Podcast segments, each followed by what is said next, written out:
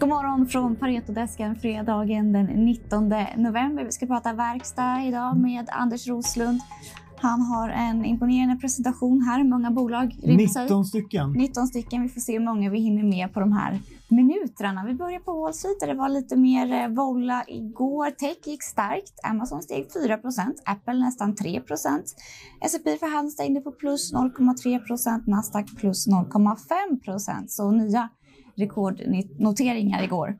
Idag får vi tysk inflationssiffra och så har vi fått rapport från Aselio, ett bolag som vi gillar här på Pareto men som har haft det tufft på börsen i år. De har inte riktigt gjort det de eh, de har inte levererat riktigt på det de lovat och haft det lite segare med att få in nya ordrar. Idag släpper de rapport och Eh, var väl ungefär i linje med eh, våra förväntningar men de fortsätter att trycka på negativa påverkan från coronapandemin och att det påverkar orderingången, att det är mer tidskrävande och mer komplext att göra förhandlingar när det finns reserestriktioner. Så ja, vi fortsätter att följa Aselio alltså. Då går vi över till eh, verkstad. Anders mm. Roslund vi är fortfarande väldigt positiva till sektorn, eller hur? Ja, inför rapporterna i Q3 så tyckte vi att det fanns en uppsida på drygt 30 procent. Mm. Men sen har ju både börsen och särskilt verkstad gått väldigt bra. Så att nu är potentialen 17 procent.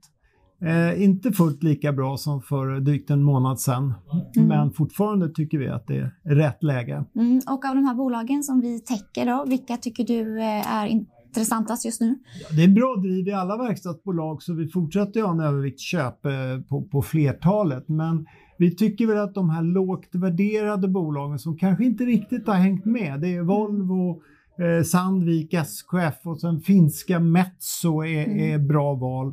Och sen så gillar vi även Lux bland konsumentbolagen. Mm. Och ska man ha ett lite högre värderat bolag som vi tycker har bra tillväxtförutsättningar, då har, plockar vi fram ABB.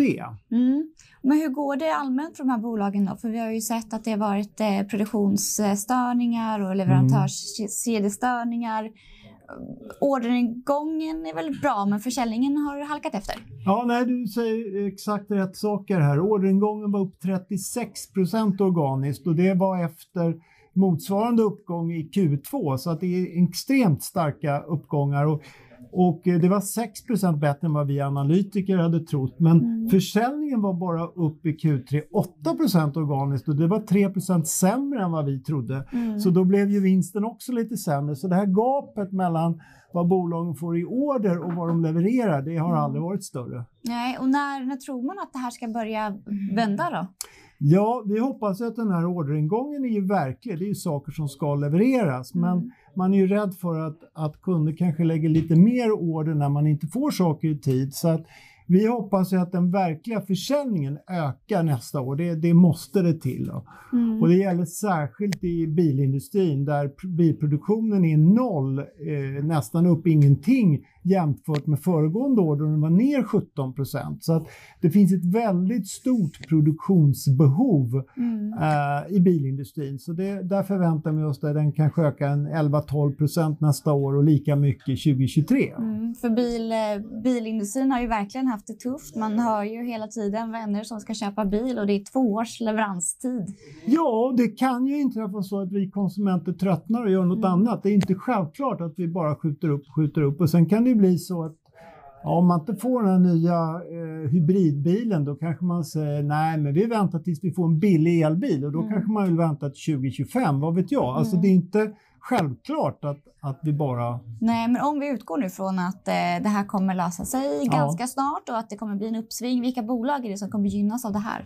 Ja, det är mycket underleverantörer till bilindustrin och där har vi ju SKF och där har vi Sandvik, eh, men, men det är även de bolagen som levererar investeringsvaror som ABB som löser de här problemen med robotar och mm. energiutrustning och så vidare. Så att, gruvutrustning, så att man kan säga att har man Atlas eller Epiroc som vi har behåll på så det är fortfarande full fart för dem också. Så Mm. att man ska säga att det är väldigt gynnsamma tillväxtförutsättningar Mm. för hela verkstadssektorn nästa år. Så Atlas, Epiroc, det är full fart där också, men kanske relativt till de andra så ser du ändå högre uppsida på dem. Ja, därför att jag tycker att värderingen är så mycket lägre. Mm. Och eh, då, då tycker jag att det finns eh, större uppsida i till exempel Sandvik än, Mm. än Epiroc. Och jag tycker det finns kanske större uppsida i ABB än Atlas Copco. Mm. Och tittar man eh, vad andra analytiker tycker så ligger du lite högre på dina estimat. Varför gör du det? Ja, därför att vi tror att man kanske missar lite av den här kraftiga svängningen som kommer nästa år när vi förhoppningsvis får se att, Mm. att de här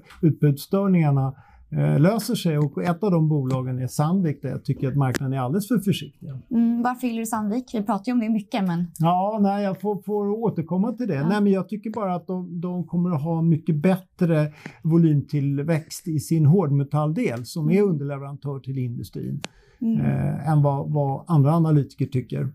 Ett bolag som jag gärna vill ta upp eh, nu lite på studs innan jag låter dig gå Mm. vidare. ABB tycker jag ju alltid är intressant, men som Mm. har haft det lite, ja, men lite struligt hela organisationsmässigt. Men Mm. bra robotar och det känns som att det är framtidsbolag.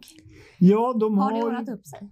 ja, de har ju den nya ledningen nu sedan eh, över ett och ett halvt år tillbaka och, och, och där hoppas vi och tror att eh, det kanske kommer nya finansiella mål Mm. Eh, och att man får se mer av den här förvandlingen av ABB till ett eh, höglönsamt bolag. Mm. Idag är det lönsamt men jag tror att man höjer marginalmålen från runt 15 så kanske man säger att det ska ligga på 18 procent. Jag tycker Ja. det är fullt möjligt. Ja, för du har ju ändå ABB som en av Ja. favoriterna, så någonting måste du ju se där. Ja, nej, men jag tror att det där är den interna förvandlingen mot en bättre lönsamhet. Mm.